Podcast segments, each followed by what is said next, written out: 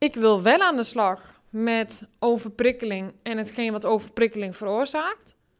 Maar als ik vervolgens met mijn hond in het restaurant zit en hij blijft maar blaffen, ja, dan werkt het allemaal niet. Ja, nee, oké, maar hallo. Ehm, zit die hond graag in het restaurant?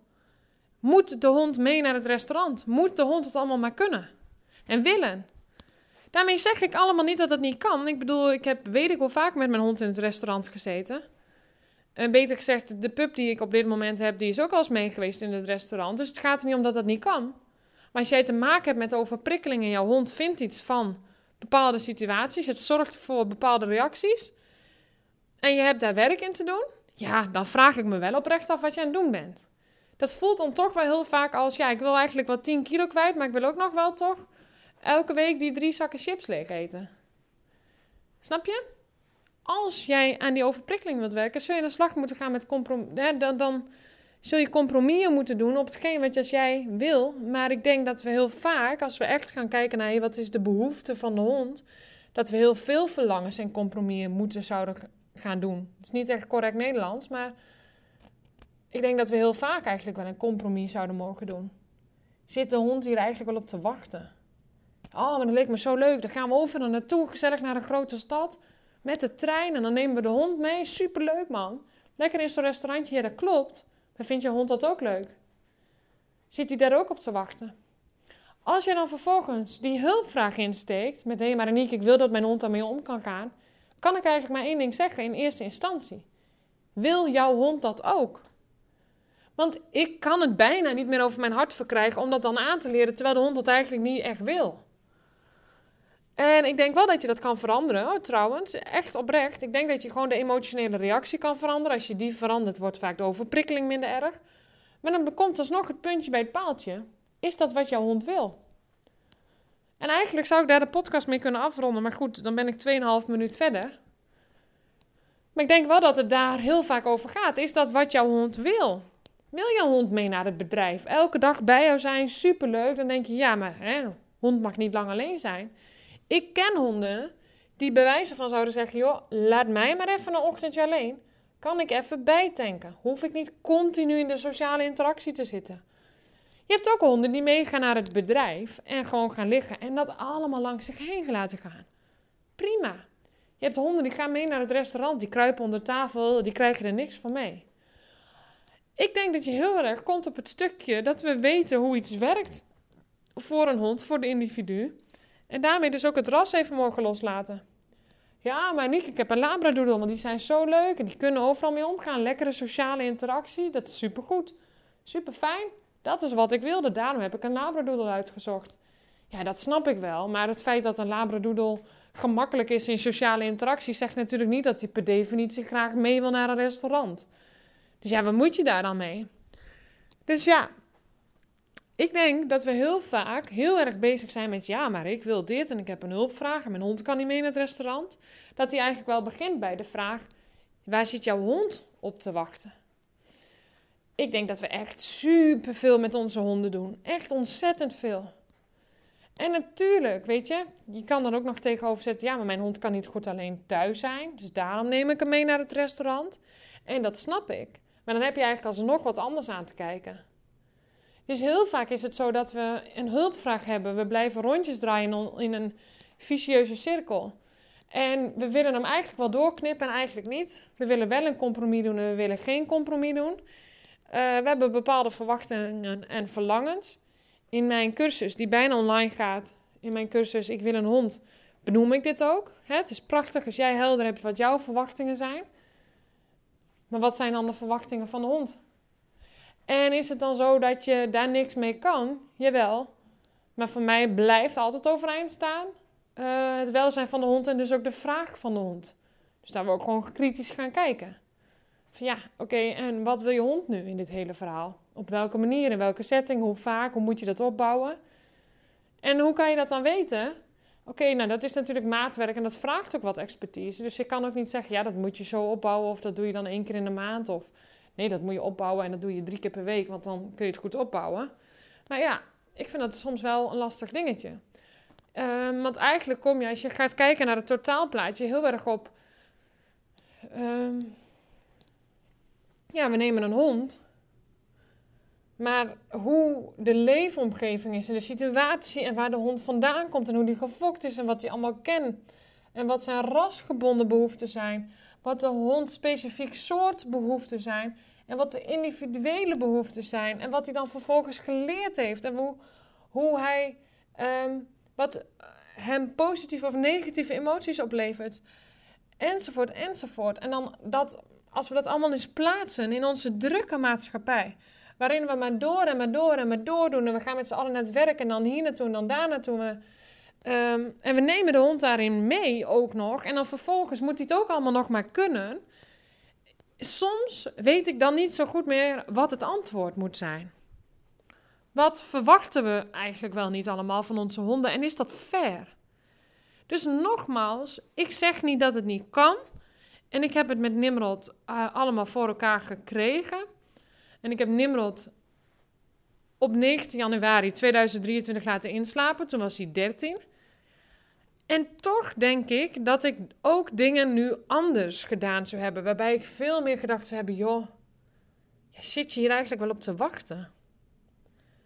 Ik heb Nimrod uh, in het begin heel erg op training, op basis van training opgevoed. Hij stond strak onder appel, keurig. Nou, emotioneel gezien uh, veranderde dat niet zo heel veel. Dus ik had nog steeds een hond die wel uit kon vallen. Die in een gemoedstoestand zat, uh, die heel hoog was. Die onbereikbaar was, waarmee ik geen verbinding had altijd. Ja, op basis van training. Dus was een vingerknipje en hij was eruit. Dan kun je denken, ja, dat is perfect. Maar ik wilde, we ik wilde weten hoe ik zijn emotionele staat kon veranderen. Uh, en daarin zou ik dingen wel anders gedaan hebben, nu, achteraf. Maar goed, weet je, dus aldoende leert men. En, en het maakt ook dat ik die hele reis heb afgelegd. Maar goed, ik denk wel dat, dat het daar heel erg over gaat. En ik heb gewoon. Ik kan er gewoon niet meer omheen dat als ik zie dat een hond X of Y wil. en vervolgens willen de mensen iets anders. dat ik dan denk: ja, maar wat wil je dan nu? Ja, ik vind dat gewoon lastig. En zeker zoals ik hem net benoemde. in het rijtje van. Uh, een drukke wereld. alle factoren die een rol spelen het doet me altijd denken aan een hond, een border collie of border collie mix. Van een broodfokker kwamen ze achteraf achter. En met lichamelijke klachten. Daar kwamen ze later achter tijdens het traject.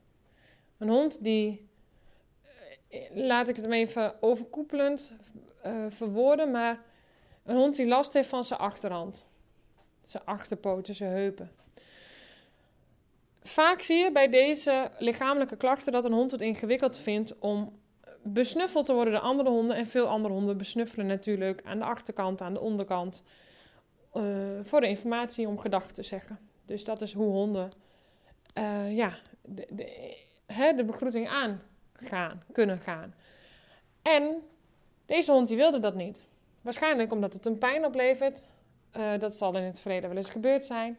En zijn afweermechanisme is uitvallen geworden. Oftewel aan de kant. Dan heb je een hond van een broodfokker. Dus je staat al x punten achter. En je hond hebt een hond met fysiek ongemak. Wellicht een gevolg van het feit dat het een broodfokhond is. Deze mensen wilden er gewoon vanaf. Van het hele probleem af. Wat ik snap. En ik weet dat uh, daarna, hè, er is nog een hele roedelopname geweest. En ze hebben nog van alles gedaan. Wat mij daarin steekt, is het feit dat je komt bij het plafond van een hond. En dat we zo vaak gaan dat we de hond corrigeren voor gedrag wat een gevolg is van refurbished zijn, zo noem ik ze maar even, de, de broodfokhonden. Dus je koopt een product waar al een kras op zit, maar je verwacht hetzelfde als van een nieuwe. En voor mij voelt dat totaal unfair. Dus op dit punt maakt dat ook dat ik denk, je doet het of met de bewustwording. En je gaat kijken, oké, waar is het plafond? Plafond kan je ook nog wel verleggen, kan je verhogen, prima, kan, kan in een huis ook. Maar op een gegeven moment komt er ergens een punt dat je zegt, ja, maar dit is gewoon het plafond. Hoe ver ga je qua maakbaarheid? Onder andere dat plafond. De rasgebonden eigenschappen, de individuele eigenschappen. Maar ook dus de omstandigheden. Je hebt een broodfokhond die wellicht iets heeft gemist. Het is niet voor een grap hè, dat er goede fokkers zijn die met bewezen strategie aan de slag gaan om te zorgen dat zo'n puppy in onze maatschappij kan functioneren.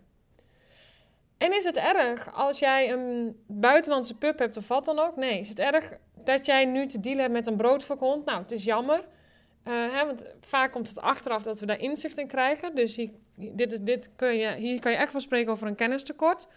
Uh, wellicht dat er mensen zijn die bewust hun hond bij een broodfokker vandaan halen. Dat weet ik niet zo goed.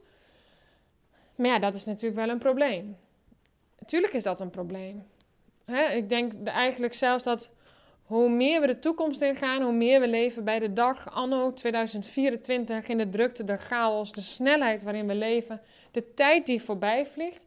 Het wordt alleen maar crucialer dat jij een hond hebt bij een goede fokker vandaan. Die jou die basis mee gaat geven. Want ja, het kan wel degelijk een probleem. Hè? Een hond moet echt met heel veel dealen. En ik denk dat we dat soms echt onderschatten. En weet je wat ik zo super mooi vind aan de hond? Het is verbazingwekkend hoe veerkrachtig een hond is. Het is niet voor de grap hè, dat de hond zoals de hond nu is, naast ons leeft. En maar meegaat in die idioterie eigenlijk die wij maar blijven verzinnen. Van snelheid, van maakbaarheid, van door, van een hele online wereld erbij. Hè. We hebben er een extra wereld bij gecreëerd. Ik vind dat werkelijk fascinerend. Uh, dat een hond daar eigenlijk zo goed mee... Eigenlijk doet een hond het heel erg goed. En dit zijn allemaal dingen die ik heel vaak benoem enerzijds om bewustwording te creëren. Om echt te zeggen, ja maar jongens, kijk nou eens gewoon naar de situatie. Kijk nou eens gewoon wat we allemaal doen met onze honden, wat we verwachten. En hoeveel mag er gerelativeerd worden? En dan pas ga ik kijken naar, oké, wat kunnen we nu doen? Hoe kunnen we dit nou zo krijgen dat het fair is voor de hond? En natuurlijk, het, ik zeg altijd, het is een beetje, hoe zeggen ze dat toch? Een beetje van mij en een beetje van magie. Ik weet het niet precies. Maar natuurlijk, je mag een beetje water bij de wijn doen. Jij? Jouw hond soms ook. Dat hoort erbij. Ik denk dat het hoort bij het leven. Soms doe je een concessie, soms doe je een stapje terug. Soms moet je even meebewegen. Dat is niet anders. Alleen als er hulpvragen zijn of ontstaan daardoor, dan is het wel discutabel.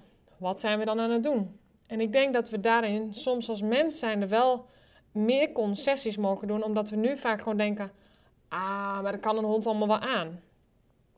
Alleen ja, het is wel een ander soort, met andere behoeften. En ik denk dat een hond heel veel kan, dat blijkt ook, want gemiddeld genomen is dat wat we doen met onze honden.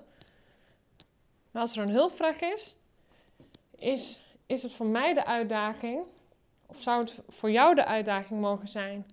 En niet om te zeggen, oh, maar ik accepteer het allemaal, daar gaat het niet om, dat mag ook natuurlijk ik zeg niet van ja, jongens, er zit geen potentie meer in. Maar het begint vaak wel bij bewustwording. Wat mag je relativeren? Wat kan er anders? En is het fair? Waar ligt het plafond van mijn hond? En zeker als ik hem, zoals ik hem schets, bijvoorbeeld met zo'n broodfokhond. Een slecht gefokte hond. Een hond uit het buitenland, waarvan je helemaal niet weet wat wel of wat niet. Dat betekent voor mij eigenlijk ook letterlijk het ventiel eruit trekken, de druk eraf halen en dan het ventiel er weer in stoppen. Dan is er ademruimte. Nou, je wilt niet weten hoeveel dat alleen al soms kan doen.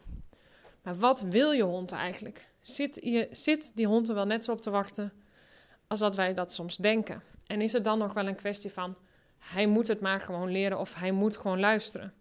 Want dit perspectief kan soms al zoveel verschil maken. Daar ga ik ermee afronden. Bedankt voor het luisteren en tot de volgende keer.